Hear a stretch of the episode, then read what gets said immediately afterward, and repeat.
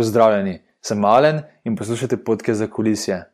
V njem skupaj pogledamo v zakulisje nekaterih najbolj znanih in zanimivih slovenskih podjetniških zgodb, z namenom, da se skupaj nekaj naučimo, kar lahko uporabimo na lastnih projektih. Za več informacij o projektu za kulisje pa si pogledajte spletno stran zakulisje.com. V 11. epizodi podcasta za kulisje sem se pogovarjal z Blažem Zupanom, ki uči podjetništvo na ekonomski fakulteti. Tudi Blaž ni samo teoretik, ampak je pravi serijski podjetnik. Tako je naprimer svoje zadnje podjetje OptiPrint, ki se ukvarja z oddajo tiskalnikov, pred eh, dobrim letom in pol uspešno prodal. Seveda smo se v podkastu dotaknili te teme, torej kako prodati podjetje. Ob tem smo se pogovarjali tudi o drugih zanimivih zadevah. Naprimer, Blaž je delil svojo zgodbo, kako se je v enem izmed svojih prvih poslov uspel z Azdici dogovoriti za distribucijo enega določenega produkta. To je zelo zanimiva zgodba. Um, prav tako smo se pogovarjali o tem, kako se podjetništva lotiti, če si tveganju nenaklonjen. Um, namreč Blaž sebe vidi kot zelo tveganju nenaklonjenega in je podal par na svetu, kako ostali, ki imajo podoben mindset, lahko se preizkusijo v podjetništvu. Torej, kje se začne um, tvoja podjetniška zgodba, oziroma mogoče celo ambicija? Po mojem se začne na ovinku naše ceste, tam na, na, na Igu, kjer sem stanoval. Uh, Moja sem bil kakšne sedem let star, ko sem svoje prve telohe tam prodal. Sem tam hodil gost, pa um, nabiral, nabiral rožice in se postavil tam na, na, na vogal ceste, pa prodajal šopke. to je bila moja, moja prva um, podjetniška, takrat še malo na črno. Um, prva podjetniška zgodba, no, ampak takrat je bil še unta star sistem, ker to ni bilo to grozen, uh, kaznovano. Um, pol pa, pol pa po mojem prvo tako resno srečanje s podjetništvom je bilo pa, sem bil pa star, um, koliko sem bil pa star? Deset let približen ko smo odprli doma trgovino. Namreč moja mama je takrat izgubila službo v enem velikem državnem podjetju ne, in pač po letu 90 služb ni bilo, ker niso jih po drevesu rasle, tako da smo pa gledali, kaj bi lahko naredili. Uh, mi smo imeli pač doma prazen prostor, radi smo se ukvarjali z vrtnarjenjem, pa vrtom pa smo naredili vrtnarsko tehnično trgovino in seminarno. Tako da to je bila pa moja taka pa družinska zgodbica podjetništva, ker pa V resnici noben od nas ni prej nobenih izkušenj imel. No. Ne mama, ne oče, noben ni bil izkušen podjetniške familije, no delač od tega. Um, tako da to je bila taka čisto ena taka sveža reč, ki smo pa pol imeli približno deset let, odprto to trgovino pa jo pol zaprli, um, ko je mama dobila državno službo. ja, um, pač ni, ni, ni bila toliko kakšna taka otroška želja, se mi zdi, mojih staršev, tudi, no, da, bi to, da bi to uh, podjetje imeli. No, bila je pa silno zanimiva zgodba, pa smo se zelo zanimiva, se radi spominjamo, veliko smo se naučili, takih in drugačnih prigod je bilo res ogromno. No, ja. uh, to je bila pa taka malce daljša desetletna zgodba. No. Pol prve so bile pa take moje lastne, no, so bile pa. Um, v resnici, ko sem bil absolvent ne, um, na fakulteti. Takrat sem pa začel malo razmišljati o tem, da bi se pa kaj svojega tudi lotil. Če se pa si se, torej takrat lotil? Um, moja prva reč je bila, v bistvu moja diploma, ker sem jaz raziskoval tovarniške trgovine pa outlet v Sloveniji in takrat um, smo se nekako razmišljali o tem, da bi iz tega tudi naredili en tak majhen posel. Namreč mi, mi smo na morje hodili tam čist na konc stresa na en, en kemp in tam so eni Nemci tudi bili in smo se malo tako družinsko spoprijateljili, pa jih enkrat hoče vprašati, kaj pa ti kaj delaš, ne? Bom prav, ja, že sem pa založnik, ne. Kaj pa, kaj, kaj pa izdajaš, ne bom, eno tako knjigo.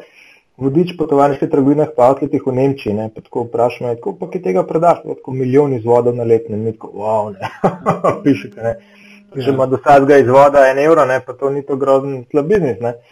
Takrat so bile še marke, no pa to tisti slabo. Um, tako da pa smo se skozi malo poigravali, no moji starši pa jaz tudi s to mislijo, da bi pa kaj takega za Slovenijo naredili in pol, ko sem jaz iskal na temo za diplomo, je bilo jih to na mizi. Pa sem rekel, no super, bom pa to delo za diplomo, pa zraven še ene sorte mini poslovni načrt, kako bi pa lahko iz tega tudi v Sloveniji en tak posel naredili, da bi izdali vodič po tovariških trgovinah, pa vse teh v Sloveniji. ki jih je okoli 300, ne potem taka lepa knjiga s 300 stranmi, pa na vsaki strani upisana ena taka trgovina. Tako, no. uh, to je po mojem prvi tak, uh, svoj projekt. Škaj, veliko poslušalcev me sprašujejo o teh začetnih um, zgodbah, ki mogoče niso bile tako uspešne. -huh. In me zanima, če zdaj na podlagi te ali pa bilo katere druge zgodbe, ki se je zgodila pred OptiPrintom, do česar -huh. pridemo kasneje. -huh. Če imaš mogoče kakšno posebno izkušnjo ali zgodbo, ki bi lahko izpostavil, da, se, uh, da si se iz nje nekaj naučil, pa bi bilo zanimivo tudi za druge, da slišijo. Aha, uf, kaj povem, jaz vsake stvari nekaj potegneš. Ne? Sej, v podjetništvu, kot jaz pač tudi gledam, pa poznam ljudi, je veliko tega recikliranja, ne, ker pač ti to, kar si prej delal na nek drugačen način, tudi če je bil neuspeh. Ne, ni je bil neuspeh mogoče v finančnem smislu, ampak ni bil pa neuspeh v smislu tega, kaj si se naučil in kak, kako si si povečal verjetnost, da ti pa v naslednjo zgodbo, kjer greš, da ti uspe. Um, tako da, kaj pa vem, jaz sem jih imel pet teh svojih lastnih podjetniških nekih projektov do zdaj, vključno z OptiPrintom. No. Um, tako da skozi vsakega sem se jaz marsikaj naučil. Še najbolj zanimiv mogoče je bil ta, ker sem imel v neki fazi firmo v Ameriki, pa distribucijo po celem svetu enega izdelka, pa mogli smo na Tajvan leteti, se zmeniti tam z enimi, um, z enimi našimi dobavitelji podkono. Tako da ta je bil še najbolj tak zanimiv, dinamičen, nenavaden, um, cel kupenih takih zanimivih mednarodnih prigod in tako naprej. Um, mhm. Da pa se, se mogoče dotakniti tega. No? Evo, ta, mislim, da se celo spomnim, da si mi enkrat razlagal o tem. Mm -hmm. To je bilo neka, neka prehrambeno dopolnilo, nekaj takega. Ne? Ja, ja, v bistvu je šlo za eno reč, ki če daš na jezik, ti en protein se veže na receptorje za kislo, pa ti jih zaprene. Uh, tako da pol ure ne čutiš kisoga, no? tako da ni, ni v bistvu prehrambeno dopolnilo, ker ni treba ti niti pojesti, no? ampak um, pa če je taste modifier, ne? v bistvu ti spremeni okus določenih jedinov. Uh, tako da je ta agresivno zanimiva stvar. To sem jaz gledal na Discovery, če ne gledam eno dajo, pa gre en uh, novinar v Miracle Fruit Cafe na japonskem. Ne, tam je eno tortico, pa pravi na takati, pa to je za noč, kam mi nosiš to kislo, grenko, veh, grozane. Pa se mu ne smeji, pa mu prenese en takrat več sadež, ne, pa on gleda, pa zdaj s tem ne naredim, prav na pojej, ne, zdaj pa požveč, ne, pa on, poži, on žveč ti sadež, ne, pa pogleda, zdaj pa zdaj pa zdaj pa je torto naprej, ne, je torto naprej in torta kar naenkrat sladka, ne. In, in pa se celo zgodbo napel, kako pač obstaja nek protein, ki se ti veže na receptorje za kislo jezik, ti jih zapre in pol pol ure ne čutiš kisoga, ne, in kako ta protein samo eno sadežo noter obstaja in tako naprej. No. In pol je dejansko takrat dve noči nisem spal in sem rekel, to je preveč čuden, da jaz tega ne bi probil. No. sem pol nekje uspel Google Translate to najdete na kitajsko, oziroma na Tajvanu enega dobavitelja tega, mu pač poslal 50 dolarjev, pa on meni poslal nekaj teh, teh škatl z tega. Mhm. Pa to si naredil svoj brand potem? Ja. Se dogovoril s to tovarno? Ja, Kako je ja. to izgledalo? Kaj je v bistvu, to si moral leteti, ja, da si se dogovoril? Mogoče malo piši to, kako si se dogovoril. Ja. Um, škako, na začetku smo se kar prek interneta vse menili, z enimi Kitajci, z enimi pa čez Tajvana, no pa smo pa, ker smo bili iz Slovenije, te itak že malo po stran gledajo. Um, in so pa oni dobili ene američane, in so oni američani pol dobili Ameriko za distribuirati, pa so dobili ene angleže, pa so oni dobili Anglijo in nam ni stali nočne. Um, tako da smo pol mogli po hitrem postopku se zorganizirati in na srečo smo najdel enega drugega proizvajalca, za katerega smo vedeli nismo prej, ki je bil pa še bolj skrit v kitajščini in pač ni bil angliške besede nikjer, da si ga res težko najdel. Um, tako da smo pol, čim smo unga najdel, smo pa pred leteli takrat na Tajvan, kar po hitrem postopku letalsko karto dol. In uh, en teden je pol trajala ta ekspedicija in se pač meni dogovoriti z njimi, da pa nas oni ne bojo zafrkniti, kot so nas oni drugi. No. Um, tako da ti se pa zanimivo, ja, tam je v bistvu mi tri dni sploh nismo prišli do, do šefa. Ne. Tam se naj, najprej pridejo otroci, en otrok pa te pele okoli pa drug otrok pa te pele v kol, pa tretji otrok pa te pele v kol, pa mož od otrok, za ene črke pa te pele v kol, pa te pele v ke, pa ke, pa ke, pa sploh ne pogovarjaš o poslu.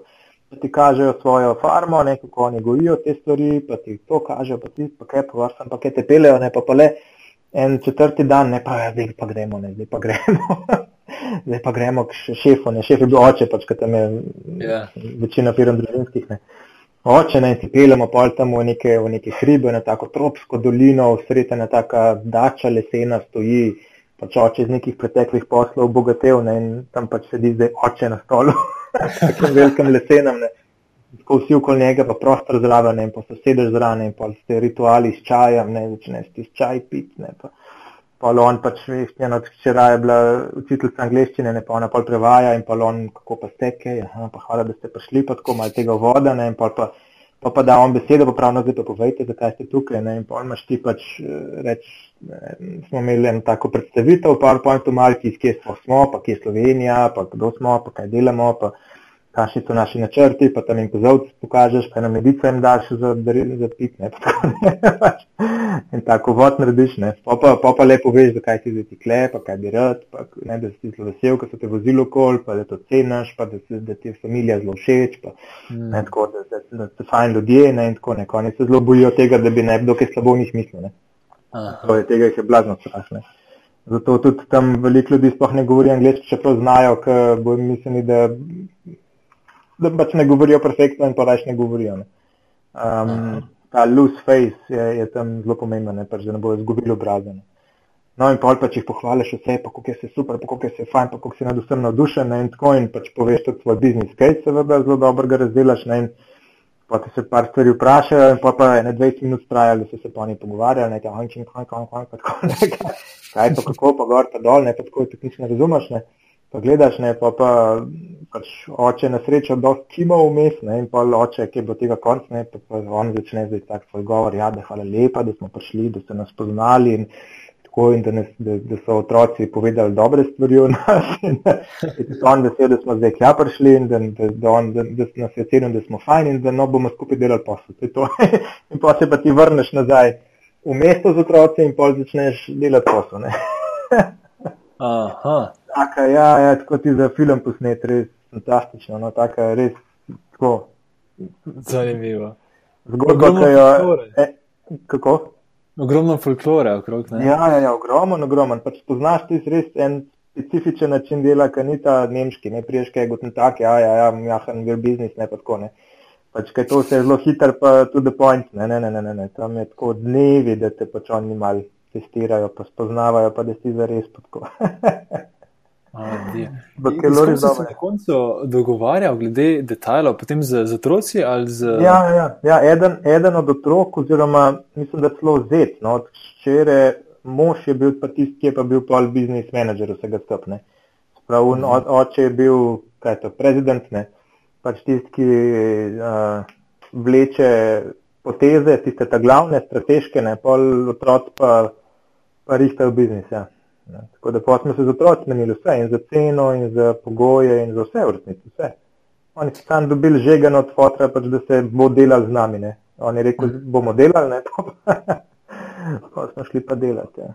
Pa ste takrat dobili ekskluzivo samo za Slovenijo, ali ste se odločili? Ne, ne, ne, mi, tak, ne, mi tega sploh v Evropi sploh prodajali nismo, tako da ne, ne, ne, za cel svet razen Kitajske, pa Tajvana, pa je pa Japonske. No. To pa je bil mm. potem veliki del, ne? Kako pa izgledajo ja, ti detajli? Veš, to, kako se dogovoriš, mislim, o tem famoznem minimum order quantity, ne, kako je to minimal, uh, ki verjetno moraš testirati prej zadeve. Kako izgleda sploh en tak del uh, glede produkta?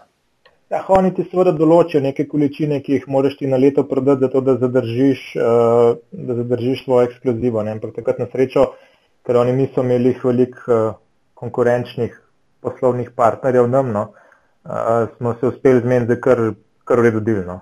Um, tako da pač te so spali, uh, greš v pogajanja in, in ti imaš cilj čim nižjo ceno, čim nižji minimum order quantity, ne, čim, ja. manj, čim manj, da oni zahtevajo, da v marketing vlagaš. Um, pač to, no. Oni pa pač zahtevajo, da ti čim več v marketing vlagaš, pa da boš čim več naročil, ne, ne se zavezal pa čim višjo ceno. Pač, pa pa pač iščeš neke, neke svoje zgodbe, ne, um, uh mhm. -huh. umestno. Da, pa zelo težko reči nekaj nasplošno. No, mi smo se takrat kar uredu zmenili, um, ker oni pač so prej samo to na kitajskem prodali, pa na Tajvanu in so v resnici predvsem majhne količine dosegali. Tako da smo se pa lahko zmenili za kar uredu del, zato ker pač še niso imeli nobene, um, nobene svoje zgodbe ali pa nobenih izkušenj, koliko tega se sploh lahko kje prodano. Mm -hmm. E, kako ste se pa vi lotili potem na drugi strani um, promocije? Uh, in prodaje tega? Um, tako, mi smo probali čim prej poiskati čim močnejše lokalne partnerje, skratka, eni, ki bojo na lokalnem trgu čim več tega delali. No.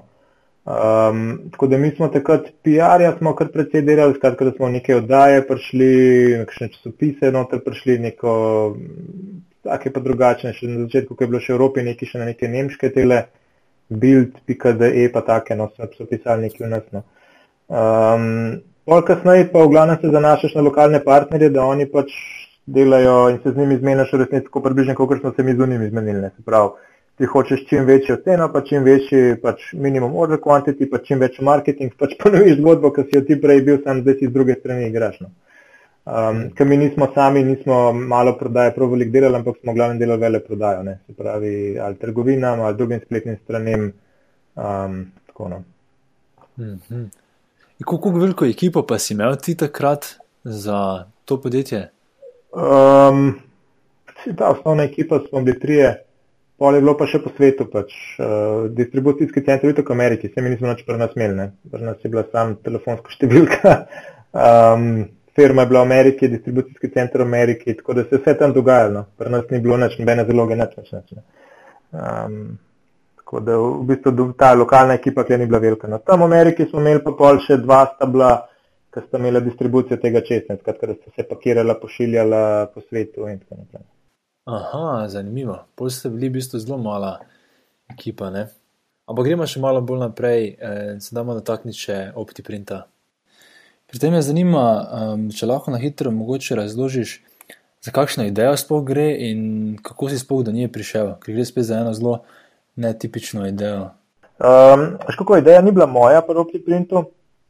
Ideja je v resnici, oziroma ta osnovni prepoznan problem, ker ideja je bil v bistvu problem, ki je bil takrat prepoznan, no je bila od profesora Vahčiča, sicer je on pač enkrat prišel z prepoznanim problemom, da je barno printenje je pa izjemno drago in da je nekaj narobe s tem, ne, da je trg izkrivljen, namreč črnilo stane isto, ne glede na črno ali rdeče ali modro ali rumeno. Ne. Barvne kartuše so pa nekajkrat dražje kot črne kartuše. Ne? Se pravi, je v resnici v zadju poslovni model proizvajalcev tiskalnikov, ki ti tiskalnik prodajo bolj kot ne po dampinški ceni, se pravi, da nič ne zaslužijo s tiskalnikom ali pa grejo celo v zgubo, zato da tebe bolj prevežejo s kartušami, ker pa oni resničen denar delajo. Um, to je logičen pač poslovni model. Včasih so ga imeli tudi operaterji, ki so ti dali mobitel za to in pa so ti pa pač računali vsak mesec um, tok in tok pač za naročnino. Ne? Ja. So te pač prevezali s tistim. Kaj pa če isto, ne proizvajalec tiskalnika te preveže s tem tiskalnikom, da ti pol kartuše kupuješ, ki so pa relativno zelo drage, ker proizvodni strošek ene take poprečne kartuše je tam okoli en dolar. Um, zdaj pa, koliko se prodajajo v trgovini, lahko vsak sam preveri. Tako da on je takrat prišel no, z tem prepoznanim problemom, no, da je barno printenje izjemno drago in je, smo pa na različne načine probali to rešiti. Eh, take in drugačne. Eden od teh načinov je ta printbox, ki zdaj jih je kar nekaj po Sloveniji na okol. Um, drug način je bil, ki je pač tudi iz, iz tega prepoznanega problema ven izšel, je bil pa OptiPrint, ne, kjer smo pa takrat pol v razredu na razne načine to reševali, na neki fazi pa smo se odločili, da je pa to tudi čisto zanimiva, lahko poslovna ideja, pa smo pol firmo naredili iz tega. Um, tako da je v bistvu bila ideja, ta osnovna je bila, Vaščiča, ki je bil tudi v začetku večinski lastnik tega podjetja. Ne. Ampak da se malo bolj podrobno dotakni tega za kulise čistega začetka. Veš? Zanima uh mhm. -huh. me, kako izgleda v bistvu tvoj oziroma proces od ekipe, uh mhm. -huh. od tega čist, čist prve ideje, uh mhm. -huh. pa potem do prve stranke. Veš, kak je izgledal prototip, kako ste našli prvo stranko. Uh -huh. Razumem. Ja. Um, zdaj, čist začetek je bil pač tak, da je profesor Vahtič enkrat rekel, da je to barno, drago, drago barno printerje, da je to mi nekako rešiti in potem pač razvijali razne skupine študentov, uh, razne take in drugačne rešitve. Ne. V neki fazi sem jaz sklet zraven začel malo spremljati, gledati, kaj se dogaja. No. Uh, profesor je pa takrat že tudi usporedno v bistvu razvijal z enim italijanom iz Trsta, ki ga je tudi spoznal prek ene od teh pač, zgodb, ki jih je Kleon začel plesti glede tega. Je bil pa ta italijan, je bil pa en inovator iz področja uh, CIS sistema, se pravi Continuous Ink Supply Systems, to, kar tudi Kitajci dolgo časa počnejo, kjer ti printerju zraven preklopiš v resnici en zalogovnik, ki je noter, kaj pa vem, karkoli od 2 deci do 2 litra črnila. In potem se tiskalnik v bistvu napaja iz tega, ne pa več iz kartuš. um, in potem ti samo črnilo preliješ noter. No in ta italijan je razvijal razne, razne sisteme, tudi take nove, drugačne, inovatorske, um, za razne tiskalnike. In tle sem jaz pa v neki fazi začel to malo spremljati, spomnim se, vahčič rekel, če gremo z njim, pa sem šel z njim enkrat v Italijo tudi kaj pogledati. Pol je pa on v neki fazi s tem italijanom se tako delač prišel pri dogovorih, da ste se dogovorili, da bo italijan za njega naredil ene, ne vem, 20-30 teh sistemov ali 50.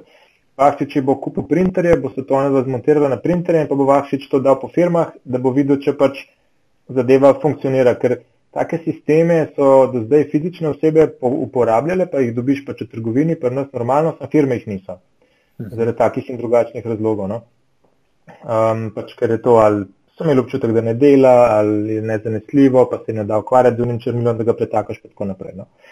Um, in pol, ko sem jaz začel malo spremljati zraven, pa malo gledati, ne, smo se pač začeli pogovarjati, če stritar takrat je bil zraven rekel, pišu, ne, tole pa je bilo zanimivo, pa poslovni model se lahko inovira tudi okoli tega, da v bistvu se printerja ne oddaja, ne, tako je bilo prej v, v um, v modi, da se ga oddaja po izpisu, ampak da se ga odda na neki all-inclusive bazi, ne, v smislu, ker mene črnilo itak nič ne stane, ne, zakaj bi jaz printer tebi prodal, ne, ali pa zakaj bi ti ga oddal, tako da mi ti po izpisu plačuješ, ti mi pač plačuj 50 evrov na mesec, pa deli z njim kar češ, se meni vse koliko črnila porabiš, ker mi itak nič ne stane. Ne.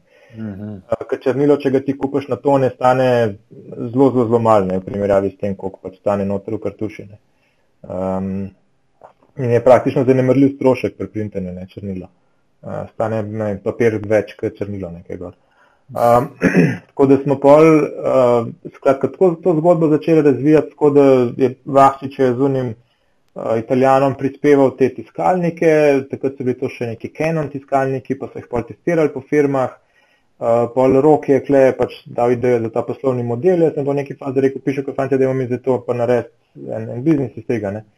Um, in sem jaz takrat prevzel pobudo, da smo firmo dejansko naredili in želel sem zraven pa imeti enega dobrega prodajalca. Uh, ker jaz firmi ti rabaš tri, štiri stvari. No. Rabaš enega, ki zna nekaj narediti, ne, enega razvojnika, ne, meni je bilo to simpatično, meni je bilo zanimivo šraufati printerje, zanimivo mi je bilo hoditi v Italijo, zanimivo mi je bilo pač gledati po internetu, kakšne tehnologije so, kaj obstaja, sem lahko celo noč tisti preveril, šraufal, noč, noč dve leti sem hodil okoli z rokami črnimi od črnila cele dneve. Ne. Uh, meni je to zanimivo. Rabiš enega, ki skrbi za denar, um, se pravi, pač, da, da imaš dovolj financiranja, da imaš dovolj denarja, da ko denar pride noter, da ga skrbiš za njega. Meni je to simpatično. Ne? Meni ta administratorska vloga, recimo pri projektih, mi je ok. Uh, ni pa meni bilo simpatično prodajati, ne? to je še ta tretja stvar, ker rabiš te vsake firmine. Um, in jaz sem pač iskal pol načrtno nekoga, ki bi se ekipi pridružil kot prodajalec, tako da sem pol še enega najdel, ki je bil v bistvu glavni prodajalec, ki je tudi stelež podjetja dubo. Um, jaz sem pa takrat vlogo pol direktorja prevzel, tako pa ta četrti, ki ga rabiš, ki pa pač skrbi za to, da vse funkcionira. Um, tako da smo tako takrat, no, Spravahčič je bil resnice na sorte financer vsega skupine, ti za začetne printerje pa pač to je vse on kupil. Um, pa sem imel glavnega prodajalca, pa mene kot business developer, recimo. Ne. Um, tako da smo pa mi takrat porabili na začetku, se pravi, mi smo ustanovili firmo julija 2009. Um, prej, približno pol leta prej smo že uh, spremljali tehnologijo, gledali se da iz tega dejansko narediti nekaj, kar bo bilo zanesljivo, ne, ker ti ne moreš dovolj pač, da delaš nekaj, kar ni zanesljivo, da bo pač se preveč kvaril, ne, ker jaz sem recimo, ko smo testirali prve prototipe, sem se jaz osebno vozil po dvakrat na teden, se spomnim takrat v to samo, ker sem servisiral en tiskalnik, ki je bil prototip, ampak nismo, nismo želeli pokazati, da je prototip. Ne. Mi smo rekli, da je ta prav, pa oni so ga že plačvali. Ne.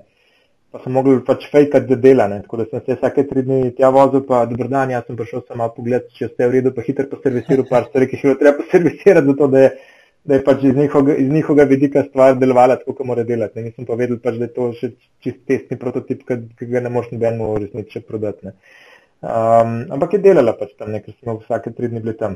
Um, tako da pol smo, v bistvu jaz takrat kot glavni razvojnik, no, smo to tehnologijo z raznimi takimi drugačnimi sestavnimi deli, vzorci iz celega sveta, glavnem iz pač Kitajske, uh, Južne Koreje, pa iz Nemčije smo nekaj dobivali, pa tako naprej. Smo pač testirali razne variante, take in drugačne, da smo tiste probleme, ki jih ta tehnologija ima, rešvalne. Skratka, da je nezanesljiva, da se ne vem, začne tiskalnik kvar zaradi tega, da ima uporabnik velik dela s tem in tako naprej. No, in spravili so stvar v neki fazi do, do ene rešitve, ki je bila to dovolj zanesljiva, da ni bilo potrebno obisk serviserja več kot enkrat na približno 3 do 4 mesece. Ker to je bil tisti naš ključni izziv, ki smo ga na začetku rešvali, da ti v bistvu znižaš število servisov na tiskalnik na največ 3 do 4 na leto. Ne? Ker takrat poslovni model rata profitabilen, prej pa enostavno ne, zato ker imaš previsok strošek dela. Ne?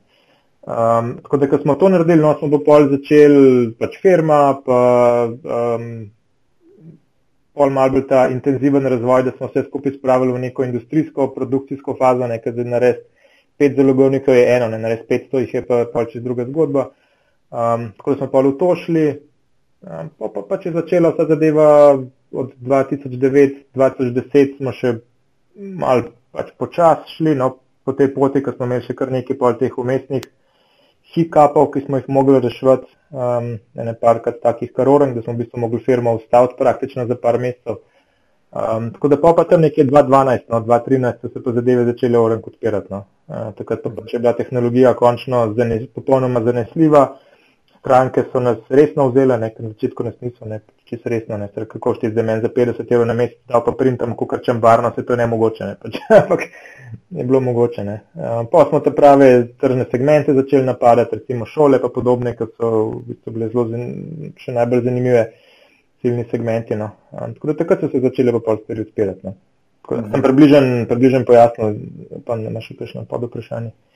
Ja, seveda imam.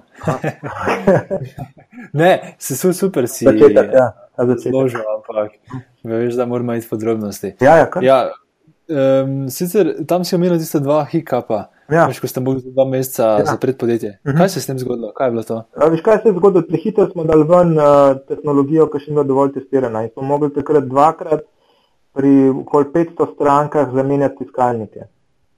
Se pravi, ali, ali mislim, da eno primeru je bilo treba samo za logovnike, vseh 500, v drugem primeru pa v bistvu skoraj vse tiskalnike tudi zamenjati. No.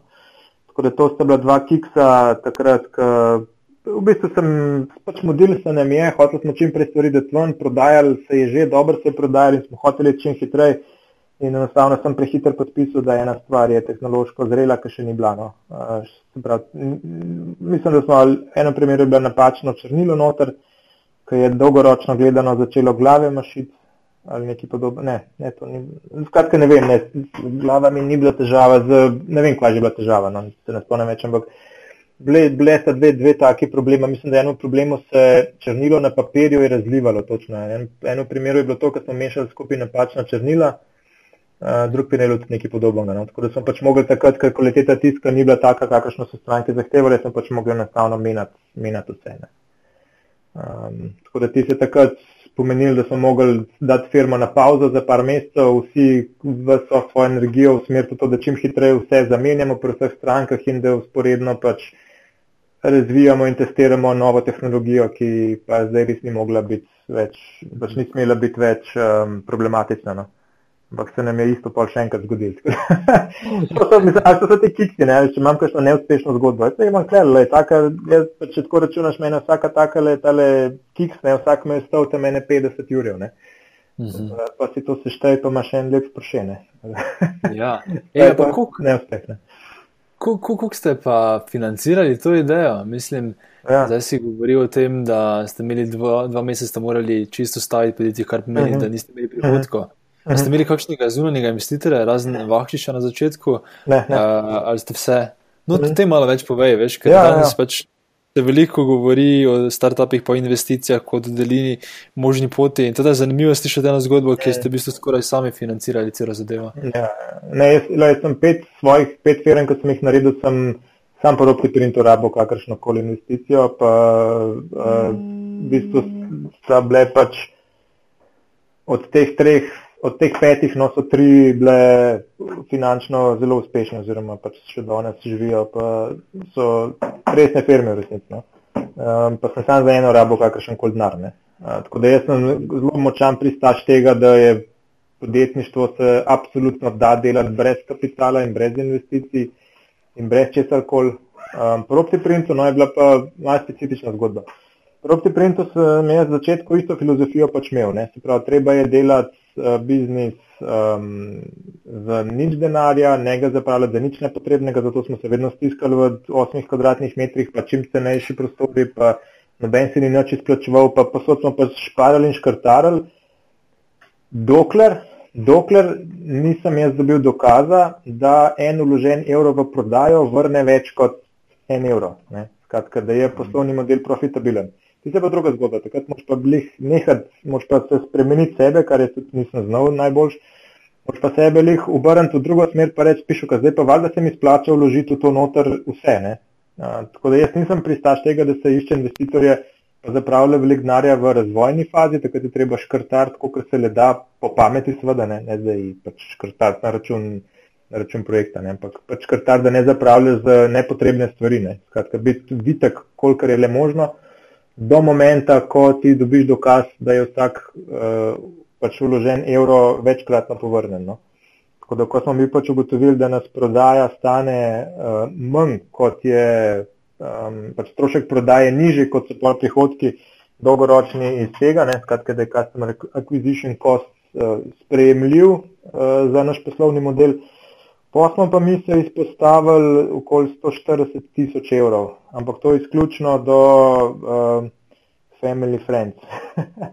Hmm. Prav, pač sposodili smo si svoj denar, ki smo ga imeli, Vaščič posodil, vsi trije soustanovitelji smo posodili, naši fotri so posodili, mame so posodile. Uh, na podjetniškem skladu smo takrat dobili um, um, eno subvencijo Um, izkoristili smo vse te možnosti, ki jih imaš, da pri zaposlovanju dobiš subvencije. Posodili smo si pol takrat še 100 tisoč evrov posojila na podjetniškem skladu. Um, tako da takrat smo pač maksimalno smo bili okoli 150 tisoč izpostavljeni. No. Ampak to je bilo izključno takrat, ko sem jaz vedel, da teh 150 tisoč dobro naloženih v prodajo. No. Veš, kaj me še zanima? Ne? V bistvu v določenem trenutku ste se odločili, da boste če sem prav zdaj prebral, da boste v bistvu podjetje šili z franšiznim sistemom. Lahko mogoče poveš, kako je to izgledalo, kako je ta zgodba se zgodila in kako je izgledal potem prvi preizkus. Um, ja, mi smo takrat se pogovarjali o tem, kako zdaj s firmo iti naprej. Ne? Ker ti si um, predvsej geografsko omejen, ker ti servisne mreže ne moreš zdaj imeti po celi Sloveniji, ker je še vedno število servisov. Pač relativno visoko, ni jih eden na dve letne. Um, in ti strošek z oddaljenosti od centrale ti precej naraste. Um, predvsem časa, ki ga pa serviserji prebijajo na terenu. Za vsako stranko, tako da je bila takrat ena taka naravna odločitev, da moramo iti ali v lastne neke enote, ne, vsaj servisne uh, po drugih krajih v Sloveniji, ali pa prek franšizne mreže. Uh, tako da takrat smo dobili v resnici, ker so pač eni iz tako je bilo iz Kopra, pa mislim, da precej hkrat, precej podobnem času tudi z Maribora so eni hoteli na šprinter najet. Pa sem rekel, je žal, mi tole do tja dolih pa ne vozimo, ne? ampak bile so pa to neke računalniške firme na polno. Um, mm. Oziroma računalniške ali pa z nečim podobnim so se ukvarjali, tako da smo mi pa takrat precej hitro pa naravno prišli do tega, da so nam rekli, kva pa če bi mi za vas tlele vam pomagali pri tem, ne? da bi pač servisirali lahko na našem koncu vaše stranke. Ne? Tako da smo se kar hitro začeli uh, z njimi pogovarjati, takrat zelo nestrukturirano, pa tudi malo nespametno, ker smo bili čisto zeleni v tem, uh, da, smo jim, da smo jim pač podelili ne sorte franšizo. No? Uh, tako da se je pač to kar tako naravno zgodilo, ker mi smo imeli potrebo po nečem podobnem, zdaj ali lastnih servisnih, v kar pač nismo želeli, ali pa nisem želel videti, ker sem pač ne naklonjen tveganju.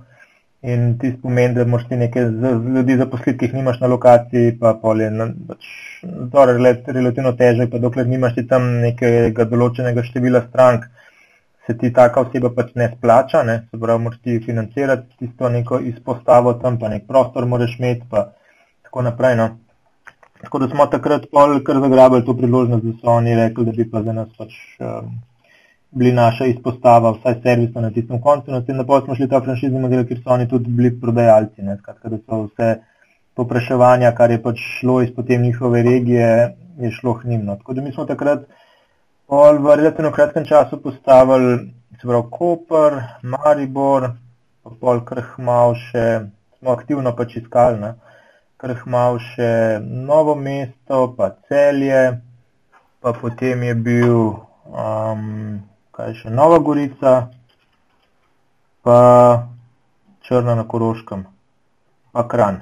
Ja, tako mislim, da smo jih pol postavili po, po Sloveniji, no, da se pač oni imeli in servisno in pol tudi prodajo čez za tisti svoj del. No. Kako to zgleda? V bistvu, um, v franšiznem sistemu v bistvu oni uporabljajo vaš brand ne? in um, ta glavna firma mora ponuditi tudi nek podpor oziroma ja, neko ja, ja, začetno več zaledje. To me zanima, kaj, to, kaj so to na začetku morali ponuditi in kaj so oni prevzeli naprej, ta, kje je ta ločnica.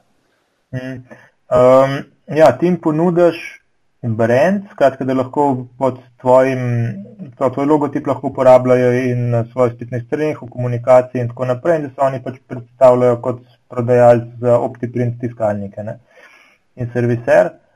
Potem jim podeliš jim ti neko geografsko ekskluzivo ponavadi, ne? skratka, če kdo hoče iz nekega geografskega območja najeti tiskalnik, pač mora iti preko njih, ne? skratka, ga mora od njih najeti ne pa tudi pogodbeno bil vezan na njih, ta vsaka taka stranka, na to franšizo.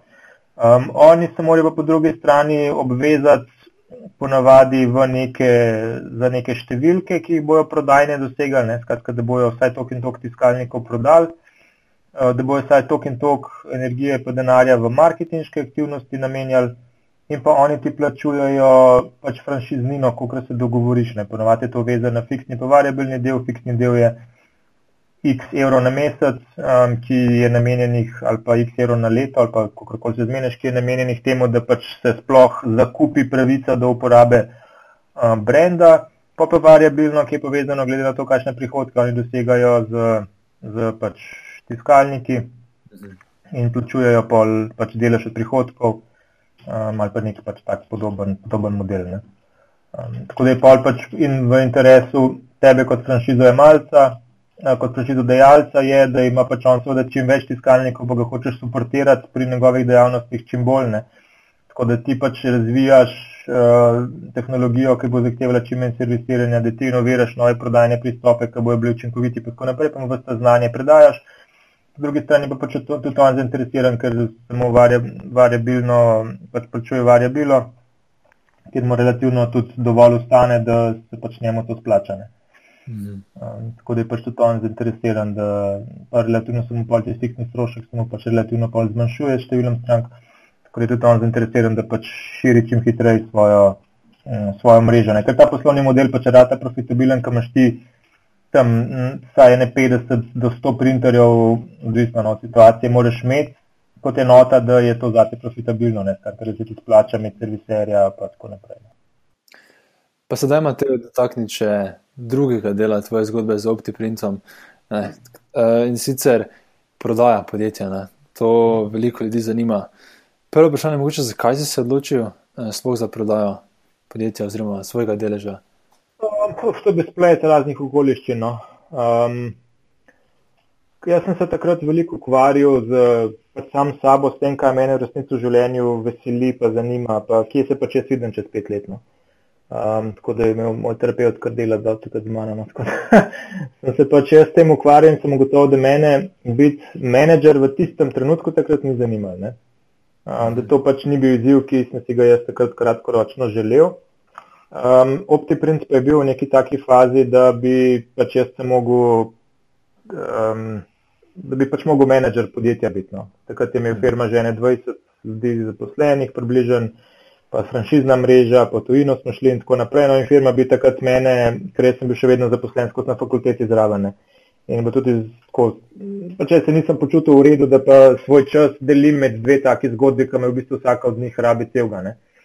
Uh, tako da sem pač takrat, je bila moja dilema zdaj ali pustiti fakulteto, pa vse to, pa iti v OptiPrint, pač full time, pa to zgodbo pelati naprej ali pa obratno. Uh, tako da jaz sem se takrat pol, ker in tudi zase ocenil, da sem ena tokla v razvoju tega optiprinta, ker pač jaz nisem imel interesa deset ur na dan vlagati v to podjetje, ne, ampak sem pač svoj čas vlagal še na marsikam drugem. Ne.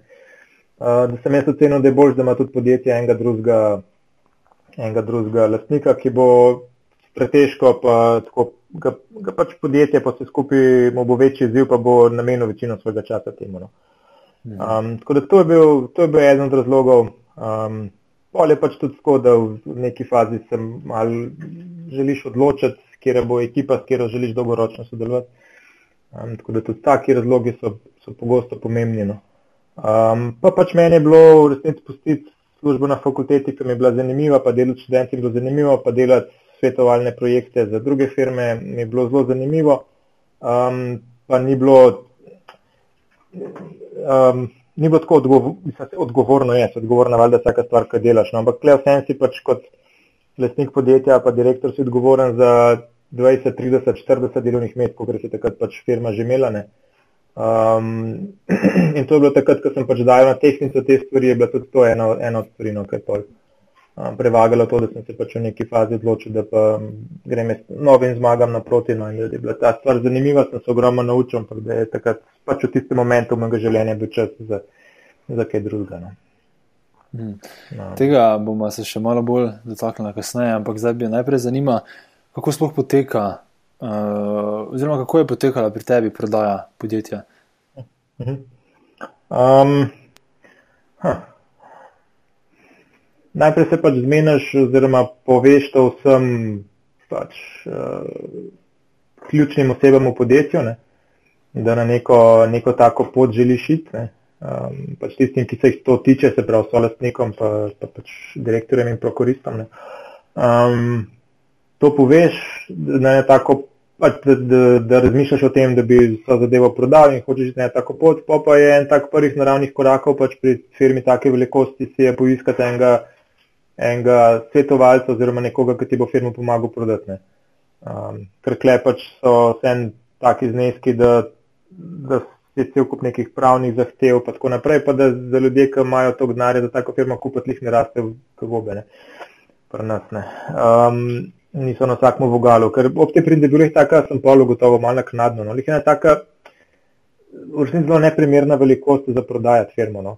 Um, mhm. Bili smo lih preveliki za tiste pač investitorje v start-upe, ki imajo par deset ali pa par sto tisoč evrov, ne. za tiste smo bili že preveliki. Ne po drugi strani so lepe premehki za kakšnega resnega kupca, ne, za kakšnega iztojine ali kaj takega. Mi smo tudi probali pač prek tega posrednika, pol, uh, ko sem jaz ga, pač sem šel na par pogovorov, pa zbral enega posrednika, ki mi je pol pri tem pomagal. Smo tudi po tujino tip ali pa tako pa smo bili predvsej nezanimivi, no, tudi zaradi tega, ker še ni bilo franšizne mreže, veliko tujini pa tako. No. In jih je zanimalo, je poslovni model, se ga da replicirati pač v, v drugih državah, no ni takrat razen Slovenije, pa Hrvaške, drugih držav še nismo imeli, kar je bilo za njih premalo. Um, v Sloveniji pa pač firm, ki bi, ki bi imele eno zelo visoko šestmestno številko na zalogi, pač jih ni. Um, ali pa jih je relativno malo. Um, sploh takih, ki bi, ki, ki bi imeli kakršno koli izkušnje ali pa znanje ali pa karkoli, ali pa ki bi sploh razmišljali o tem, da bi pa kupili kakšno firmo. Um, tega, tega pri nas, tega, pač na, na splošno se mi zdi, da te mentalitete v poslovnem svetu, da boš pa ti kupil zdaj enega, je pa relativno malo, no. predvsej manj kot v nekih razvitih kapitalističnih državah, se mi zdi. No.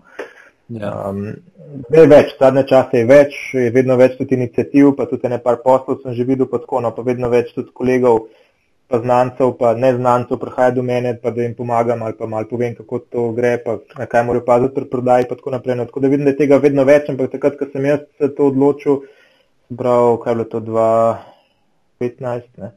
Takrat je bilo tega relativno malo. Jaz skoraj nisem poznal, takrat zelo malo ljudi sem poznal, ki bi pač neko firmo te velikosti prodajali. No. Tako da, skratka, ti poiščeš, poiščeš enega, enega svetovalca, no, to je takrat pač neka naravna pot, pa pa skupaj tem svetovalcem najprej pogledate malo, da se firma pač določeni procesi v firmi poriskajo, kaj itak firma je prera, začela preraščati, pač hitreje je firma rasla, kot si ti uspel z raznimi sistemi in podobnimi zadevami pač firmo držati. Um, um, firmo pač držati velikosti primerno. No. Ker ti določene stvari, ki jih je pet v firmi, lahko delaš na nek bolj podomačen način. Ne. Pa pa, ko pač rata 20 ljudi firma, pa moraš začeti določene stvari pisati, eh, določene pravilnike sprejemati in tako naprej, da, da pač neko znanje, tudi, ker ne more biti več v glavah, da ga začneš na papir spravljati. No da začneš določene procese v firmi um, jih začneš standardizirati in podobno. No. Tako da nas so pač te stvari so nas, so nas malo prihitevali, tako da to nam je on takrat pomagal, da smo začeli določene procese malo standardizirati. Um, v glavnem pa je šlo, je pol pač on iskal ljudi, ki bi jih to interesirali, pa sem imel jaz pol, kaj pa vem, takrat je ne 20 oziroma če direktor podjetja, ker nisem več takrat jaz direktor podjetja, ampak je bil ta drug solastnik, je ne 20 recimo pogovorov z raznimi potencijalnimi interesenti. No. Um, pa če jim poveš, zakaj prodajaš, to je tako njihova prvo, prvo vprašanje, ki jim ni jasno, zakaj bi kdo prodajal tako uspešno firmo. Um, pol naslednje vprašanje je, kakšne so zdaj želje oziroma kakšne so uh, načrti za prihodnost. Ne. Um, pol jih je strah, da, da, da zdaj pač bo iz firme še drugi ljudje šli, pa jim rečeš, da ne, da pač tam jaz grem, ne kot lastnik, to pa i tak ni nobene funkcije več v firmi, operativne. Um, pol jih zanima malo tehnologija, kaj imaš, pa tako naprej. No. Pač take, take vprašanja in pol sem pa kaj kakšen da ponudbo, sem pa kaj kakšen ugotovil, da to ali njega ne zanima, ali da ni kapitalsko dost močen za kaj tazga, no pa tako naprej. Um, Je prej si omenil, da prihajajo tebe ljudje v podobni m, situaciji in te sprašujejo, -huh. na kaj treba paziti. Torej, na kaj je treba paziti? Um, Pol odvisno zdaj od zgodbe, kakšno imaš. No. Ker te, ki hodijo do mene, so zelo različne zgodbe. Ne. Ene so pač zgodbe, kjer, kjer on je dobil, pa je vesel 50 tisoč za en del podjetja. Pa so pa zgodbe, pač, ki so v podobne velikosti, kot je bila moja. Um, ena stvar, recimo, ko sem jaz naredil napako, je bila ta, da sem premalo sam bil aktiven v tej prodaji, da sem se takrat preveč zanašal na tega, um, um, pač, tega, ki sem ga najel, da mi bo pri tem pomagal in sem sam premalo pripravljal nekih teaserjev, nekih dokumentov, hodil okoli, iskal ljudi, ki bi jih to zanimali, se malo bolj aktivno stojino ukvarjal um, in tako naprej. No. To je ena stvar, skratka, da se preveč recimo zanašaš na enega drugega. Ne. Zakaj pa je to um, pomembno, da bi se sam bolj angažiral? Zato, ker se stvari pohitrijo, pa ponavadi en tak, ki ga ti najamaš. Um, Jaz ne vem, kako je bilo pri mojem, tako da to jaz težko, težko sodim, ker uh, je to težko reči. Tako da to ne, ne trdim, da je to v mojem primeru bilo tako. Ne. Ampak to je malo podobno, kot je nepremičninski posrednik. Ne. Veš, on, on ima interes čim prej stanovanje prodati, pa tudi če za 10 ur manj. Ne. Zato, ker on bo dobil sam procente od teh 10 ur, pa to mu ni veliko, lahko bo to pobere ful več časa, da se mora zdaj on ukvarjati, sabo pa iskati enega, ki ti bo dal 10 ur več. Ne. Um, kot prodajalcu ti pa 10 ur lahko zelo veliko pomeni, pa to zate 10-20% lahko razlike. Ne? 10, veš, pre, en, pre eno stanovanju, ne? lahko 10% razlike. Ne? Za njega pa to ni veliko, ne? za njega nema pa važno, da se to čim hitreje proda, pa tudi če po neki pač ceni. Ne? Tako da imaš kleti pol pri njemu problem, um, da on si pa če želi čim prej prodati, pa tudi če ne po lih ful visoki ceni, um, zato da pač gre lahko v druge posle, ne? da se ne ukvarja več s tem. Ne? Uh, tebe kot lastnika pa seveda zanima, čim dražje prodati, pa tudi če boš malo dlje zaradi tega prodajal. Um, tako da zaradi tega, pač, ker imaš ti kot lastnik interes, uh, so da imaš čim večji nabor potencijalnih kupcev, um, pa da, imaš, uh, da, da dosežeš čim višjo ceno. Ne? Kar uh, so tudi interese tega, ki ti pomaga, ampak pač on ima še druge interese, uh, ki jih pa ti kot, kot prodajalec načeloma, načeloma nimaš. Ne? tako da to je en razlog, pa drug razlog je, da, da je odvisno zdaj, kakšnega ti posrednika imaš. Ne. Imaš ta zdaj, ki bo resno se v to vrgel, pa imel uh, to kot prioriteto ne, na, na svojem spisku, ne, ali pač imaš ta zdaj, ki, ki to nima kot prioriteta. Ne. Tako da je tudi odvisno, koga ti dobiš. Um, da to, no, recimo, so bili dve, dve, dve taki. Um, Dve taki napaki. No. Um, dve stvari, pač, ki, jih je, ki jih je treba kot lastnik bolj aktivno to iti. No. Pa tudi bolj aktivno pripravljati podjetje na prodajo. No. Skratka, da bi recimo takrat jaz um, aktivno razmišljal, pa mal bolj, kaj je tisto, kar podjetju da vrednost. Ne. Recimo podjetju bi dala vrednost takrat še ena mednarodna franšizna pogodba. Ne. In bi pač jaz takrat še stisnil pa tistih par mesecev se oren potrudil za to, da bi podjetje to pogodbo dobilo. Ne mm. ker bi potem to vrednost podjetja relativno precej zvišala. Um, zanimivo. Ne. Tako da klej mogo pa pač pol dokazovati, ta, ki je kupil, je mogo dokazovati, da je dejansko zadeva mednarodno prodajljiva, skratka, da se da dobiti tega še enega iz neke relativno velike države ali pa zahodnoevropske države, enega, enega franšiznega partnerja. Um, ja. To, no, to so bile na hitro, recimo, zdaj take stvari, ki se jih spomnim. No. Ja, zelo zanimivo, ne? predvsem ta del o širjenju v tujino in kako bi ti lahko to zvišalo ceno. To mi je bilo zelo zanimivo. Ja, ja, ja so da ne, kle so pač stvari, ki jih ti, ko začneš malo hoditi, ne do ljudi vidiš, kaj jih zanima. Ne.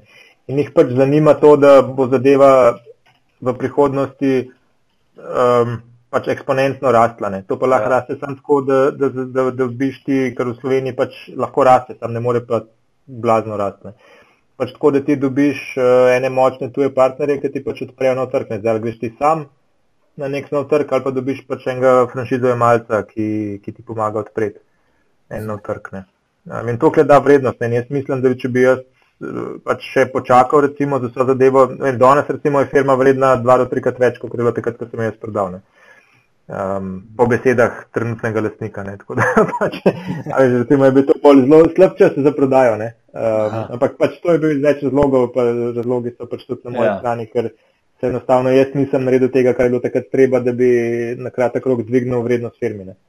Mhm.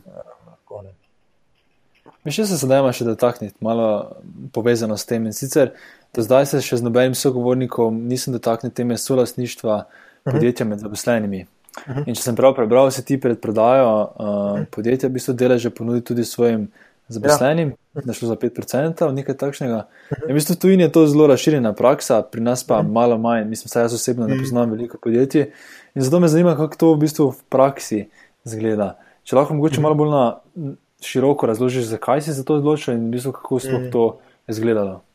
Uh ja, pri nas jih ni veliko. Ja, ne par primerov smo zdaj zasedili v zadnjem času. Tale, uh, kaj že kaj. Outfit.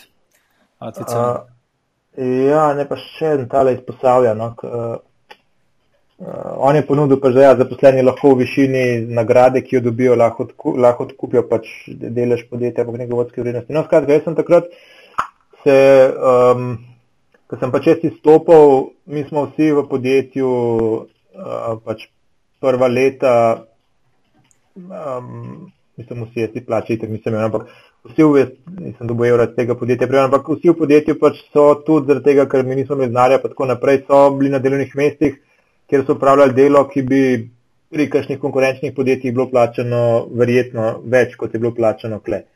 Uh, tako da smo bili pač ena taka tipična start-up ekipa, kjer smo vsi grizali in delali k, nekemu skupnemu cilju. Ne. Tako da jaz sem se pač želel takrat, ko sem jaz uh, zaključil to zgodbo, pa, pa če jaz dobil neko nagrado za svoj trud. Ne. Uh, sem želel pač tudi njih uh, na nek način tukaj saj, saj nekako pač nagraditi. No. Tako da sem se takrat odločil, da jim ponudim vsem v odkup en delež podjetja po polovični ceni. Ne. Skratka, po to, kar mi ponuja un, da oni po pol cene lahko kupijo brez kakršnih koli pogojev. In eden recimo je pol takoj naprej prodal, pa je pač podvojil svoj vložek.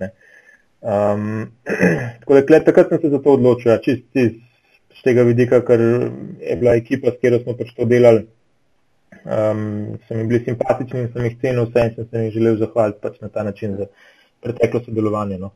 Um, pa sem pač takrat, ja, 5% firme po polovični ceni v resnici sem jim dal, ne, kljub temu, da ne, pač ne bilo treba tega takrat narediti, ker je takrat želel un kupati oziroma tista in skupina investitorjev so pač želeli kupati uh, celoten delež. Mm -hmm. Ja, zelo lepa poteza z tvoje strani. Uh, ampak kako točno pa zgleda ta postopek um, strani zaposlenih? Mhm. -huh. Čist tako me zanima, tudi postopkovno. Noč posebej. To je bilo čisto enako, kar takrat je v resnici ta, ki je kupil podjetje, je to zelo pameten, če me vprašaš, izjemno pameten, inteligenten, inteligenten človek, ne, je to zelo inteligentno naredil da je v bistvu on kupil 51 ne, od mojih 70, uh, se pravi, da je še to, 19% ostalo um, firme. Ne. Uh, minus za ostalo je pa najdu svoje investitorje, uh, ki, pač, ki so kupili pol od pol do 4%. Ne. Um, in, in taka zelo zanimiva stvar, da on v resnici obdrži upravljalsko pač moč ne, v firmi, Um, hkrati pa noter dobi ljudi, ki so potem imeli interes firmi pomagati. Ne? In to ljudi pač iz poslovnega sveta, ki so, ki so pač do, vsak po svoje dober na svojem področju. Ne? So bili to pol prodajali, dobri pro, prodajalci, pač to, ne? so imeli interes, so prodajali, pol prodajali, pač, kot so oni pač lahko v svojih krogih, ne? Uh, te tiskalnike. Um, tako da takrat so v resnici zaposleni bili pač eni od, eni od teh ostalih, um, ostalih uh, investitorjev. Ti kot prodajalec se pa itak lahko odločiš, da boš pač diskriminiral tukaj pri ceni, ne? da eno prodaš po ceni X, drugim po ceni Y, ne slej pač ni nobenih pravil v zvezi s tem. Uh, tako da sem se pač jaz takrat sam odločil, da en ker takrat pač je on kupil 51, ne popraševanje po drugi 19 je bilo. Ne. Jaz sem pač rekel ne, da ostalim še 14%, prodam ostalim investitorjem 5%, prodam pa pač zaposlenim, um, tistim, ki se odločijo, pač po polovični ceni. No. Tako da so se vsi razen enega se odločili, tako da imam še pol procenta firme mi ostali.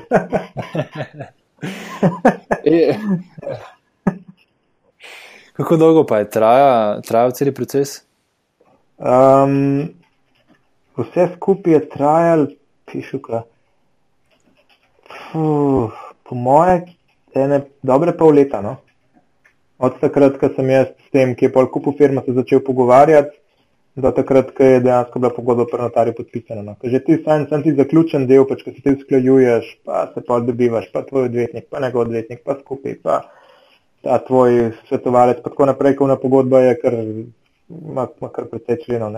Tako da je samo sklejevanje tega, pa kdaj bo plačal, pa na kakšen način bo plačal, pa tako naprej je kar, je kar dolgotrajno. No. Um, tako da ta, ta del je tisti skrbni pregled, ki se je rešil kar hitro, vem, kaj je bila pač menjša firma, pa ni bilo veliko za pregledovati, no, ampak um, prvi del, ker on, on itak, a veš, ka on, en tak pač, mislim, pameten, no, uh, en tak investitor, bo rekel, ok, aha, se pravi, tvoja strategija so taka, dobro, ok, zmenil se tako, jaz počakam še tri mesece, ne, dam ti ponudbo, ne, ampak počakam še tri mesece in če se to, kar si ti napovedal, dejansko resniči, pa moja ponudba velja. Um, -huh. Če pa si ti mene zavajal, ne, pa, pa pač ponudba ne velja več. Veš, in on je recimo isto pač naredil, ne, rekel, ok, počakajmo še na naslednje četrtletne rezultate in če dejansko grejo v to smer, ki jo ti pač zdaj le meni prodajaš, ne, pol so zmenjena, ne, če pa ne, pa pač ne. ne. Um, tako da je šlo tako. Ne. Pa so bili rezultati celo malo boljši, pa smo še malo ceno dvignili. ja, ja, super. To se zgodi, če čakaš. Ja. ja. ja. Um, pa zdaj pa narediti segue še na eno drugo temo, krok učenja podjetništva. Ti učiš podjetništvo na ekonomski fakulteti. Mhm. V bistvu sem se pogovarjal tudi z Rokom Striterjem v, mhm. v drugi epizodi. Teda, da imaš malo podobne teme obdelati, pa, pa bi se probo navezati na enih par stvari, ki si jih prej omenil. Uh, in sicer omenil si, da si sam ne naklonjen tveganju. In uh, predvidevam, da tudi veliko učencev, oziroma študentov, ki jih učiš, so ne naklonjeni tveganju. Ne? Uh -huh. Večina je, velika večina. Ja, ja, točno to. Ne? Kaj bi tem ljudem, ki so ne naklonjeni tega, ampak vseeno si želijo nekaj v podjetništvu ustvariti, mislim, kakšen svet imaš ti za njih, oziroma kakšen tip treninga je za njih primeren? Mm, mm. Um, Odvisno pač, kako oni tudi vzamejo to, to svojo nagnjenost. Ne? Ker v podjetništvu je smisel med celo za dolgoročno gledano, je bolje biti tveganju ne naklonjen, ker ti pomeni, da ne boš se spuščal v. v v projekte, ki jih ne boš dobro preveril, ne, ne boš sprejemal odločitev, ki niso utemeljene na, na nekih podatkih iz trga, um, ne boš tvegal z tujim premoženjem, pač več kot je v nekem momentu res smiselno. Ne, tako naprej. Tako da meni se zdi to v resnici za podjetništvo, ki ga, jaz, ki ga jaz ne razumem kot neko blazno tvegano dejavnost, ne, ampak v, neki, v nekem smislu lahko manj tvegano, kot biti zaposlen nekje, ker tam si pač odvisen od nekoga drugega, nekaj si pa odvisen čisto od sebe. Ne. Um, jaz to razumem celo kot prednost. No. Um, če jo, če jo seveda razumeš in jo pač uspeš v določenih primerjih, ko je treba, ne, recimo takrat, ko, sem, ko smo pač mi v podjetju, dejansko dokazali, da se da uh, en evro spremeniti v dva, takrat pa pač seveda vložiš vse in tudi takrat očetu rečeš, da, da ti kaj posotne, kar je precej tvegana lahko zadeva, ker tujega denarja pa res noče zgubljati. Ja. Um, ja, tako da um, jaz bi, to je prva stvar. Druga stvar je, da v podjetništvu v resnici ta fama, nekaj jaz, večina ljudi, ki jih srečam, večina, ne, ki jih vprašam, zakaj se pa ne greste, ki svoje nijemo kapitala. Ne. Jaz od petih svojih projektov, ki sem jih štartal podjetniških, za enega sem nekaj malega rabo, tiste tovarniške trgovine, ki sem prej razlagal, mislim nekaj malega, pač šest ur, nekaj dolgoročno gledano, ni ogromen velik denar, ne za enega študenta, pač so da je.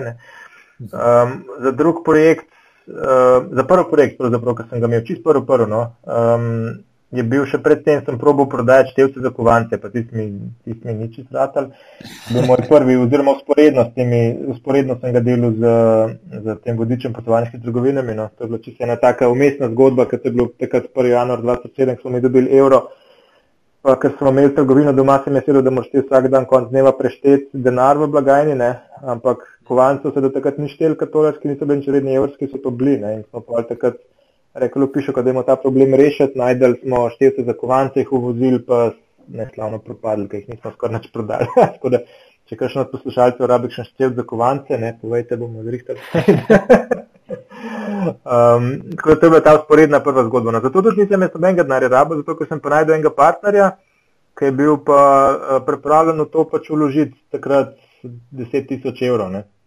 Kako je bilo treba, da smo mi to v zalogo teh števcev prepeljali, 100 kosov. Ne v Slovenijo. Um, tako da pač, lahko tudi najdeš nekoga, ki je tveganju malo bolj naklonjen, ne, pa gre s tabo v, v nek podjetniški projekt. Ne.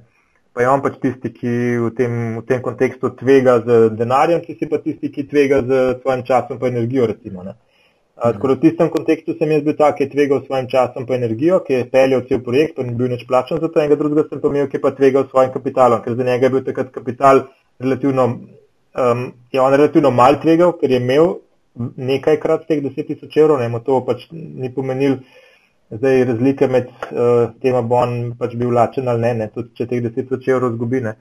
Uh, Meni pa pač takrat moj čas ni bil grozno velik vreden, ne, tako da pač je bil moj čas takrat meni stvar, ki sem jo lažje v projekt dal, ne, on pa pač denar, ne, njegov čas je bil pa velik vreden. Ne. Uh, tako da to je bil en primer, recimo. Uh, drug primer sem prodajal, moj tretji podjetniški projekt sem prodajal magnete, nisem rabil nič, oziroma sem rabil 20 evrov, da sem pač prve magnete naročil iz Kitajske, pa pol jih prodal, pa sem imel 40 evrov, pa sem naročil, pa prodal, pa sem imel 80 evrov, pa tako naprej. Ne. Pa je ratela v bistvu zgodba brez kapitala, relativno lepa podjetniška zgodba, kot danes je uh, super firma iz tega, ni moja, no, ampak uh, pol enemu kolegu se skupaj dal. Um, pa danes ima vem, dva zaposlena, pa pač prodaja magnete po celi Sloveniji. Um, svetmagnetov.com, če kdo rab, ni moje, lahko reklamiram. um, pa ta zgodba, ki so prej govorila o, o tem pač sadežu, ki ti, spremeni, ki ti ne, okus spremeni. Kletet nisem nič rabo, ker sem spet rabo 50 dolarjev, da sem naročil z Kitajske, pa sem pa pač to prodal, tako naprej, pa je šla zgodba iz, iz nič kapitala v resnici tako da edin pri OptiPrintu smo v neki fazi, ne, ko smo ugotovili, da je, da je pač smiselno, smo pa veliko naravno to vložili. Tako da ta moj, moj, drugi, moj drugi tukaj komentar na, na to uh, nagnjenost k tveganju je, da po resnici, če gledaš moje primere, v mojem primeru je večina mojih podjetniških projektov, pač je, oziroma dva od treh mojih uspešnih podjetniških projektov nista rabila evra kapitala, ne, tako da je bilo tveganje v resnici zelo majhno ker vse, s čemer si tvegal, je svoj čas, kar pa v primeru študenta ni nekaj, kar bi pač v večini primerov bilo blazno veliko vredno, kot so študentske postavke, pač 5, 7, 8 evrov na uro, ne bruto. Ne. Um, ali pa ni to 4-5 evrov. Tako da pač je, je to resnici, igrati se podjetništvo v tej fazi relativno nizko tvegana stvar. Manj kot takrat, ko imaš pol neko plačo, pa moraš za to, da se greš podjetništvo, se odreči plači. Ne. Zdaj se pač ne odrekaš plači, ne. se odrekaš študentski postavki um, ki v večini primerov ni zelo visoka. Um, tako da to so moji komentarji na to temo. No, in večina jih pač je tega ne naklonjena, ampak jaz mislim, da bolj zaradi tega, ker, ker ne razumejo tega, da v resnici za, pod, za podjetništvo ti kapitala ne rabiš, ampak oni mislijo, ne, da ti ful rabiš enega kapitala, da brez znare se neč ne da, ne, polk jim razlagaš malo, da ne, se, se da zelo velik brez znare tudi narediti. Pol gotovijo, da aha, v resnici podjetništvo ni to zelo tvegano, ne. zato ker ti ni treba zdaj um, pač tvegati, z, z, pa iskati nekih investitorjev, pa pa te bo pač tam nekdo, ki boš ti nekdo denar upravljal, te bo nekdo zdaj pač tam, ne pa da, vem, sam ena od desetih firm startupov uspe, pa tako naprej, pa se strašijo teh stvari, ne, pa mislijo, da je to zelo tvegano, pa mislijo, da so oni naklonjeni tveganju, ker se tega nočejo iti. Hmm. Um, ampak pa na koncu, ko pač pogovoriš z njimi, pa ugotoviš, da njemu pa ni problem se pa Jurijo nekaj dobiti ali pa se sposoditi za eno stvar, v katero resnično verjame, ne, pa, pa, pa, pa vidiš, da, da pač je tveganje tudi lahko, percepcija tveganja malo relativna. Ne. Pa meniš, da je ta tvoj uh, recept primeren za vsak tip podjetništva? Uh, mislim, ker če pogledamo tvoje ideje, večinoma so bili produkti ne, um, ki so bili že narejeni, oziroma pri zadnjem, kjer si pa moral razvijati, pa si potreboval, potem potreboval investicijo. Ker vem, da zdaj, ko nekdo posluša in je bolj v start-up oziroma v software pa hardware zgodbi, si misli, ja, to je možno za tebe, ne pa za mene. Ne, za mene. Uh, kak, kakšen je pa tvoj komentar na to? Dva vam. Eden je, da zagotovo obstajajo različni tipi podjetniških projektov in absolutno nekateri potrebujejo z takih in drugačnih razlogov več kapitala, drugi manj. To je pač sigurno dejstvo. Druga stvar pa je, da jaz mislim, da je koristno za vsakega podjetnika, da se on naštela svojo miselnost na to, da rabi nič denarja in da pač zapravlja samo to, kot je resnično nujno potrebno. In pol se mi zdi, ko pa enkrat se na ta način naštelaš, pa ugotoviš, da tudi za marsikater drug projekt kljub temu, da, da pač je v zunji fama, da zdaj aplikacij pa ne moreš razvijati brez ne vem kakšnih investicij, ne, da, da ugotoviš, da tudi to se v resnici da. No, Mi smo tudi eno aplikacijo, smo šli delati, pa smo pač najdli zraven dva programerja, ki sta šla v projekt z, z pač solastništvom, tako da za me recimo je bilo tisto iz kapitalskega vidika razvijati aplikacijo relativno netvegano, ker nisem sam nobenega kapitala v to vlagal. Ne.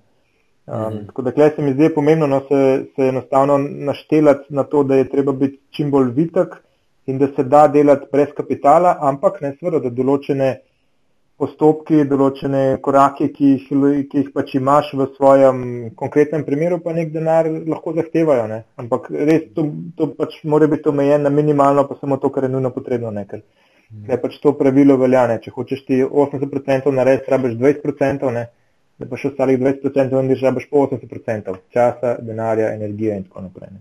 Mm. In ponavadi se da z temi 20% narediti več kot dovolj, da je produkt prodajljiv. Uh, ker jaz pri podjetnikih večinoma vidim eno od težav, zakaj oni mislijo, da rabijo denar, ker pač imajo neko tendenco k overdevelopingu, ne? da pač je treba vse stvari razviti do ne vem kakšne stopnje, da so prodajljive, kar pa ponavadi ni res. Mm.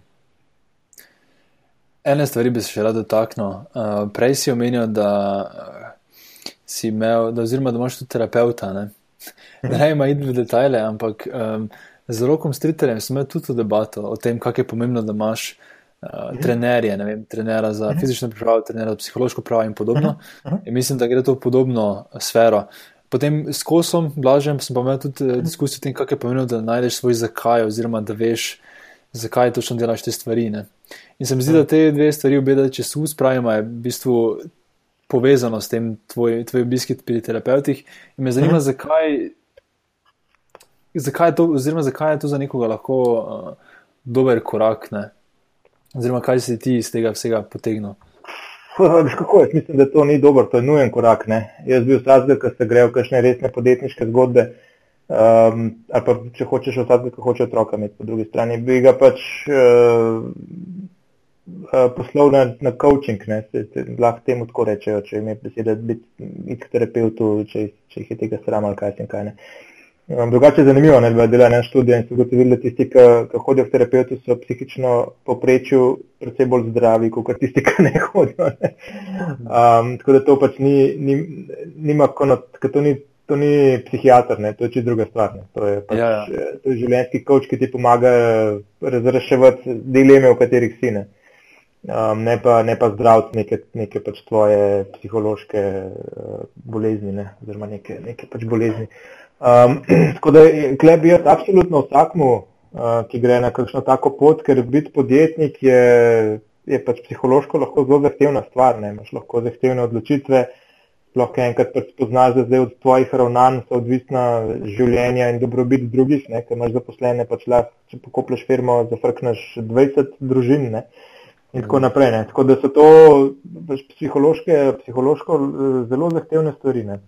Um, pol pač vsa ta um, zgodba okoli work-life balance, ne, pa kako pač to zdaj začeti tako drugače uravnavati, ne, da pač ljudje okoli tebe, ki so, uh, niso prikrajšani zaradi tega, ker si se pač ti odločil za neko, neko specifično karjerno pot. Um, Tako da, kle, kle pač jaz sem šel k terapeutu čisto iz razloga takrat, ker pač sem želel najti eno pot, ki bo mene v tistem momentu veselila. Um, to je bilo pač meni, sem imel takrat več različnih poti, kam lahko grem. Ne. Ena pot pa je bila firma, druga pot je bila na faksu, tretja pot je bila nič od tega, ne, četrta pot je bila gremo konzulting in tako naprej. In sem mogel pač najti sam precep, kaj je tisto, kar bi me srednjeročno pač najbolj veselilo. Tako da sem takrat pač preigraval take in drugačne scenarije, pa pač vsaka stvar pa potegne več marsikaj za sabo, ne marsikaj, marsikaj ne. Um, pa pa odnose z ljudmi moraš pač skozi to redefinirati, pa tako naprej. Um, tako da meni men osebno pač je to ne takrat, ampak še zdaj, jaz pač hodim že, že, že za nekaj časa. Ne. Uh, mi je to zelo pomembno, no, da pač uh, neke, neke take življenjske dileme, pač, ki jih imaš v tistem trenutku, pa vsak jih ima vedno dost. Ne. Ali se ni človeka, ki pa se ne bi o nečem spraševal, ali je to v poslovnem svetu, ali je to v medsebojnih odnosih, ali je to v partnerskih odnosih, vedno pač imaš neke izzive, ki, ki jih moraš razreševati, ali pri sebi, ali pri odnosu z drugimi, ali kaj pa se kaj ne. Tako da jaz ja. bi tako, kot v vsaki firmi, v resnici vsakmu startupu, bi, bi group therapy predpisal.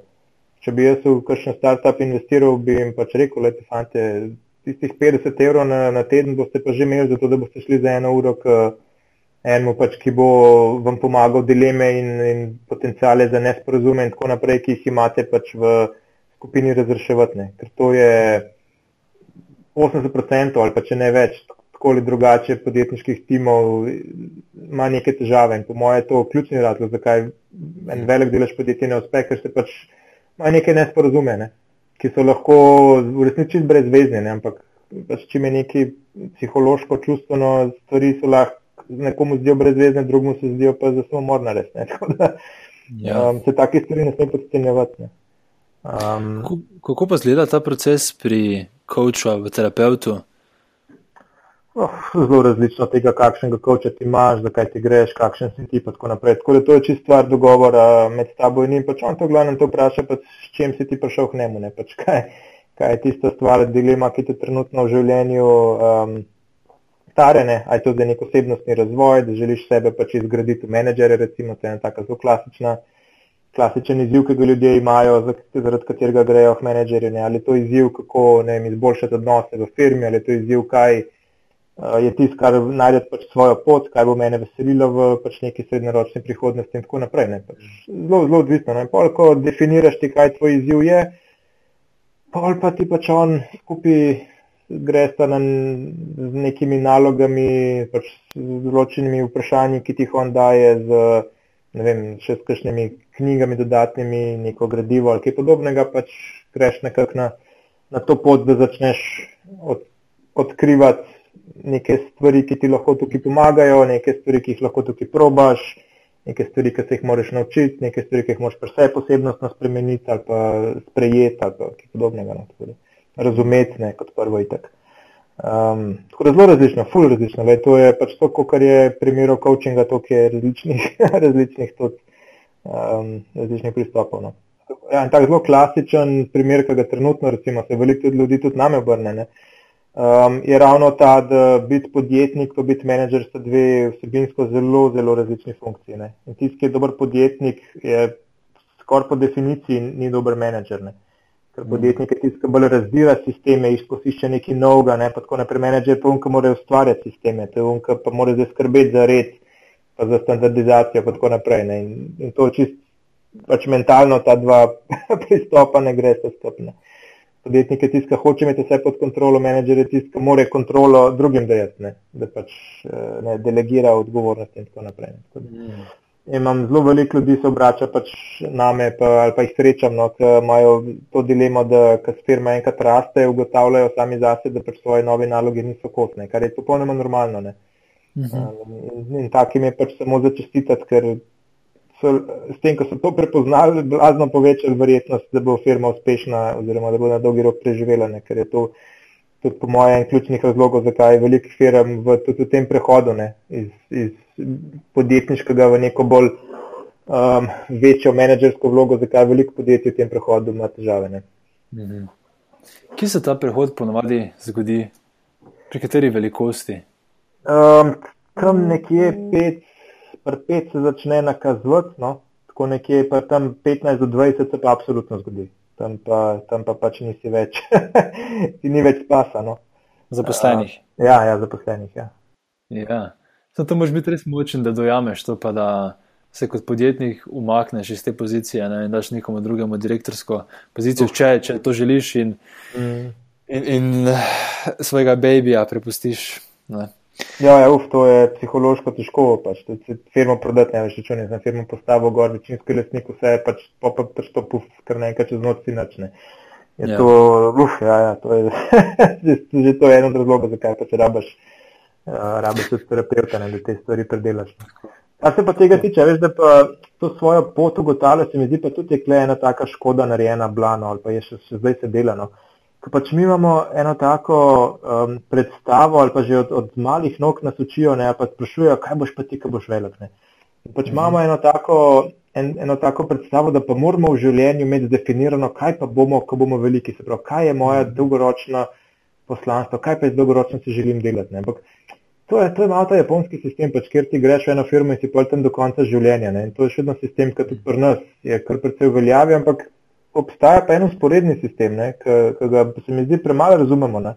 Zakaj bi si pa jaz mogel določiti, kaj pač bom cel življenje delal? Ne? Mogoče pa mene trenutno zanima to, pa mi je to čisto ok. Pa ne ja. rabim zdaj jaz zdefinirati danes, kaj bom pa čez pet let delal. Ne? Bomo videli, kam me bo pač pot prinesla. Ne? Mogoče bom delal isto, mogoče bom delal kaj drugega, pa je to čisto ok. Ne? Ni se ja. nič narobe, če, če pa če ne znam odgovoriti na vprašanje, kaj bom čez pet let. Mm, ja. in, in, so, in so delali tudi raziskave in so gotovili, da obstaja pač cel, cel kup nekih ljudi, ki na par let menjujejo svoje poklice. Tako, ampak mm. konkretno menjujejo. Konkretno. Ja, konkretno. Um, in, in so pač ugotovili, da so taki ljudje v poprečju um, precej inovativni, ustvarjalni, ker oni so zelo veliko stvari že spoznali v življenju in lahko kombinirajo zelo veliko različnih ja. izkušenj. Po eni strani, po drugi strani so pa to ljudje, ki se blazno hitro učijo, ker oni morajo biti sposobni skakati iz ene vloge v drugo vlogo v relativno kratkem času. In so to lahko ljudje, ki so lahko tudi z organizacije ali pa tako z vidika podjetnika, so to lahko zelo uspešni, pa pač veliko vredni, narekovajih ljudi za eno firmo, ker bodo pripravljeni zelo veliko različnih stvari hkrati delati in zelo hitro se priučiti stvari, ki se jih bo treba priučiti. Ne. Tako zelo zanimivo. No. Um, je, en TED talk je bil no, in je, je pa ona prav razlagala, pač, da je to čisto ok, pač, da imaš une, ki hočejo biti gasilci ali pa vem, kirurgi pač, in bojo vsi želeni kirurgi in je to čisto ok. Imaš pa ljudi, pač, ki si trenutno želijo biti to, čez pet let pa mogoče kaj drugega in je to čisto ja. ok. Ne. Um, in se dela pri nas škoda, ker pri nas pa še vedno pač jaz, ki jih vidim, recimo, ne študenti, koliko jih meni reče, ko študira ekonomijo, ja, da on pa mora imeti službo zdaj pač v, v, ne, v tem, neki zvezi s tem, kar je on študiral in da on pa zdaj ne more se z nečem drugim ukvarjati. Ne, tem študente, ko so naredili super, fantastične lesene izdelke, take, da sem, jaz sem hotel investirati v tist. Sem rekel, dajmo fanti mi to skupno resne. Pa mi on pravi, ja, ne, ne bom, ker jaz pa že ne bom izarne. Aj, recimo, ne. Ali pa, ali pa imel, imel sem pač primere zdaj le, ki se ukvarjamo veliko z brezposelnimi in njihov ključni cilj je najti službo v, na področju svoje izobrazbe. Pa smo rekli, pa kaj, te to res veseli, ja ne, sem jaz moram pač, ker sem se to izobraževal, moram imeti službo pol mesece, zakaj sem pa pol študiral. Pa se slabo počutil, ker mislili, da so vrgli štiri leta življenja tam, da so študirali. Lež, ampak ne, oni grejo v službo, ker bodo trpeli, zato da ne bodo imeli občutka, da so vrgli štiri leta življenja stran. Pravi, tako se že gajte, da ta življenje že imem. Ja. Um, ne, tako zanimivo. No? In je kle kar precej škode narejene še vedno, da pa ljudje ne razmišljajo o nekih alternativnih karierah, ampak se, se oklepajo tega svojega študija, kada zdaj jim je pa to predpisal njihovo zaposlitveno prihodnost. Ne? Kar, kar pač v določenih primerjih ime, ampak tudi če ni, je pa ok. Hmm. Ja, pa živimo v časih, kjer se dejansko da za nov poklic um, hitro naučiti in mm -hmm. dokaj ugodno naučiti. Mm -hmm prek spleta in podobno. Ja, tudi sam sem na svojem blogu pisal o, tem, tej, o tej prispodobi čebule. Uh mhm. -huh. Da, v bistvu, ko čutiš nekaj, kaj bi rad počel, da tisto uh mhm. -huh. pač začneš. Počneš, uh mhm. -huh. Mogoče se tisto, tisto, tisti sloj se nekako izrabi in potem priješ do drugega sloja, ki mogoče ima čist drugi okus, oziroma čist, čist drugo, kar boš počel. Ja, ja, tako je. In, in, in še okay, nekaj, zdi se mi tudi, ja, in to, in tudi zdi se mi, da v, bistvu v tem našem sistemu, kjer se zelo forsira uh, specialiste ne? in pač to idejo, da v bistvu moraš vedno bolj specializiran biti v neko zadevo. Veš, najprej grem še delati ekonomijo, potem se moram odločiti, da grem biznis, da grem poslovno smer, potem poslovno, poslovno smer. Potem znotraj poslovne smeri grem še bolj globoko in na koncu sem jaz zelo, zelo dober soknjak za eno zelo malo stvar in tako vsi razmišljajo. Ja. Zaradi tega, čisto po principu kapitalizma, ne, demand and supply, je zelo veliko specialistov, zelo malo pa generalistov, ne, ki znajo ja, veliko stvari. Ne. Tako je, rabaš oboje. Ja. Ja. Mm, Dobra debata. Ampak gremo še na par končnih vprašanj. Um, prvo je uh, dokaj odprto. In sicer me zanima, kaj je ena stvar, o kateri si, si spremenil mnenje v zadnjem času. Pa lahko je zvezi s čimerkoli. Stvar, ki sem spremenil. Ha, kva pa sem, ne? Tele sem gledal, danes sem gledal svoje stare slajde pri podjetništvu. Um, izpred parih let, isti predmet um, podjetništvo. In sem na slajdi gor gledal, takrat smo še delali poslovni načrt, pa delali smo na veliko, ja, da moraš ti preden se nečesa lotiti, delati raziskave trga, pa intervjuje, pa ankete, pa tako naprej. No. Pa sem se pa ti zgledal, sem rekel, piše, ko ne, ampak jaz sem imel letos nekaj čist drugega razlagam. Ne. Um, in seveda, da sem precej spremenil svoj pogled na, na, na, na, kaj, na podjetniško izobraževanje na splošno. No. Um, in sem, tako kot zdaj pač to delam, ne, je, da okay, imaš primere, kjer seveda zaradi velike visoke investicije, dolgotrajnega razvoja, posledično tveganga projekta, moraš vnaprej raziskati čim več stvari, delati pač poglobljene intervjuje, delati eh, customer journey, ne vem kaj še vse. Ja, ne, če ti delaš nov avion, pa si ne moreš kiksa prvoščati ne, na začetku, ne, ker ti kiksi zelo drago stanejo. Ampak da večina podjetniških projektov je pa v resnici tako preprostih, da tako hitro lahko prideš do prototipa, ki je prodajljiv, da je vse ostalo zguba časa. Ne, in da ti ta test delaš po pameti, seveda, z, čim hitreje, hkrati s tržnim testom. Ti začneš stvar prodajati in posledično začneš ugotavljati, kje elementi uh, pač tvoje rešitve so dobri, kje niso, jo hitro še spreminjaš, začneš že ceno testirati, prodajne poti testirati, distribucijske kanale testirati marketing testirati in tako naprej. No. In da hkrati lahko delaš več stvari. In da smo mi včasih vse podjetniške projekte tlačili en koš. Rekel, ne, ne, ne, ok, zdaj pa moraš iti ven, pa narediti pač 30, ne, kdo so tvoje stranke intervjujev, ne, pa tako naprej. Ne. Da danes pa pač sem to čisto na glavo obrnil, pa sem rekel, ne, vaš cilj je pač tisti, ki lahko, ne, ki imate to 14 dni, pa vas to stane 100 evrov, pač naredite mi tele majice, ki hoče delati, pa torej kremo, bežite na čopovo, pa pač prodajte, pa mi pridete nazaj povedati, kaj ste se naučili, pa bomo pa delali naprej.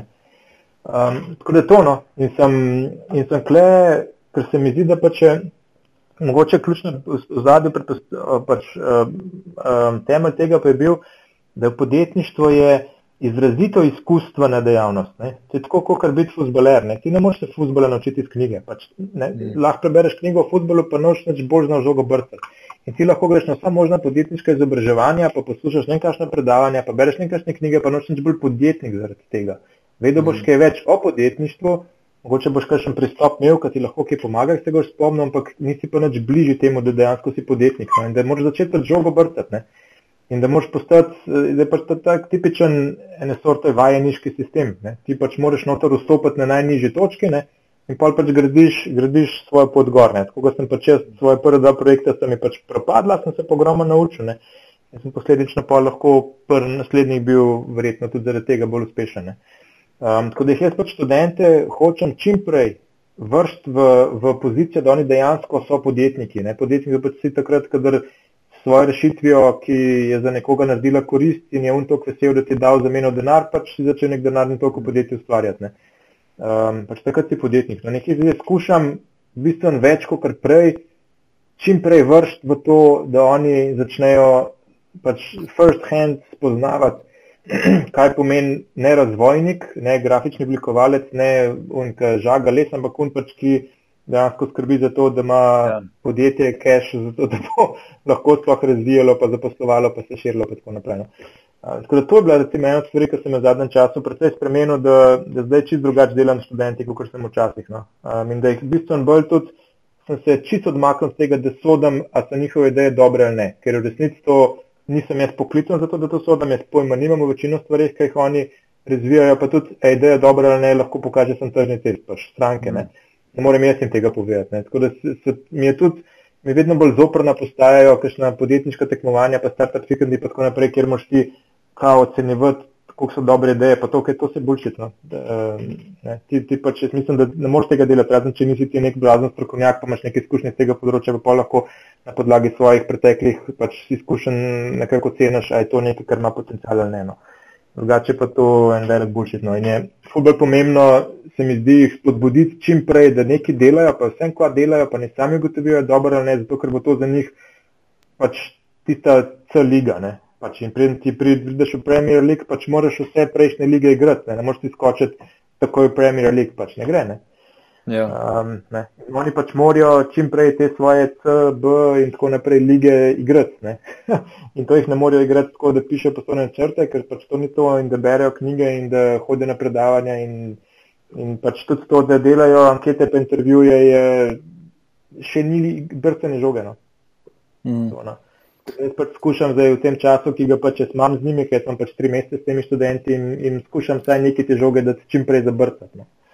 Ja. Um, Medtem, ko smo se pa včasih temu kar mali izogibali, ker je pa pač to bolj zahtevno, zdaj se moram jaz z tistimi ekipami, za vsake ekipo posebej kar tako orenk en tak pač brain fuck je, ne, ker moraš z vsemi, z njihovimi, z vsakim projektom posebej moraš živeti. Ne. Um, tako, ampak je, je pa kul, cool, ne, je pa zanimivo, ne. The best. Ja, dejansko se jim od- odprejo, tako, veš, takrat se jim oči odprejo, tako, "O, res, ja, tako moramo, to moramo, wow, wow, wow, in tako, kakšni čisto padajo, no, tako resno. Ker prej niso tokne, prej niso tokne odpadli, nikoli ne. Zdaj pa eni kar resno odpadajo, da to je super. ja, pa čuti, da je njihova ideja, pa da dejansko Ja, ja. se lahko kaj zgodi iz tega. Ne? Ja, ja, ja, super je, super. Ti, ko vidiš, koliko ti pride povedati, ja, smo šli ven, imamo že pred naročila, smo prodali tako, "A, to, super, da bed, pojmo, pojmo, veš, tako, wow. Kar vidiš, ti piše, ker imaš tako, ok, fante, še kakšen izpit naredite, no. No, zdaj, ko smo pri tem, ne, da je še ena, um, eno vprašanje in sicer. Eh, Jaz se spomnim, ko sem bil na ekonomski fakulteti, da mi dosti kolegov ni htelo povedati svoje ideje, ker jih je bilo strah več, da jim vkradel. In imam eno vprašanje, s katerim želim spodbuditi deljenje teh idej. In me zanima, če imaš ti kakšno na zalogi, torej idejo, ki, za katero sam nimaš toliko časa, uh, pa bi mogoče delil za poslušalci, da se kdo loti. Jaz ti lahko povem idejo, na katerih jaz trenutno um, pač razmišljam. Tako, da bo- bom jaz dal recimo zgled poslušalcem, da deliti svoje pač ideje ni nič slabega. Uh, pa da jih, če mi jih bo kdo ukradel, pa boh mu da je srečen.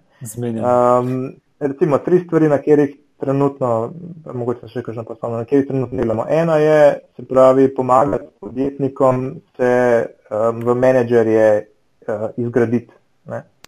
To je recimo taka konkretna stvar, s katero se zdaj uh, probamo malo lotevati. ne. Podjetniška ideja, čist, pač, lej, to bodo so ljudje, ki bodo mogli plačati za to, da jim pač mi pomagamo, tako ali drugače, pri tem, da se pač oni izgradijo v, v pač menedžerje. Ne. Da osebnostno, profesionalno, ne, pač v ekipi znotraj firme, da pošli to, kar je treba in tako naprej. To je ena stvar, tukaj priložnost obstaja za ljudi, ki bojo pač znali um, znali s takimi ljudmi delati, ne, to so pa blazno, blazno zahtevna publika. Ne. Um, taki podjetniki. Pol, recimo, druga stvar, s katero se trenutno ukvarjamo, je, da bomo postavili uh, en ogromen trampolin park v Ljubljani. Um, se pravi, 2000, 2000 pa še nekaj kvadratnih metrov trampolinov, um, nekaj, kar trenutno se veliko tega dogaja po svetu, bomo prvega v Sloveniji takega velikega naredili. Um, to, recimo, pa še ena stvar je, da delamo na enem projektu um, um, z, mislim, delamo. Zaenkrat razmišljam, da bi se deloval zraven. No?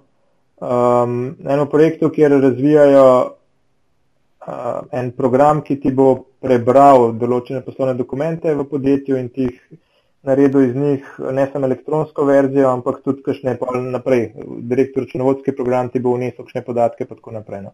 Tako en tak zelo napreden OCR, poševnica, um, pač pametni softver, ki bo prepoznal določene podatke v določenih dokumentih, pa jih pol tudi vnesel v, v a, se pravi, na, na tem področju strojnega branja oziroma prepoznavanja določenih podatkov, ki smo imamo trenutno na papirju v razni take drugačne obliki, kle so veliki potencijali še ne. Mhm.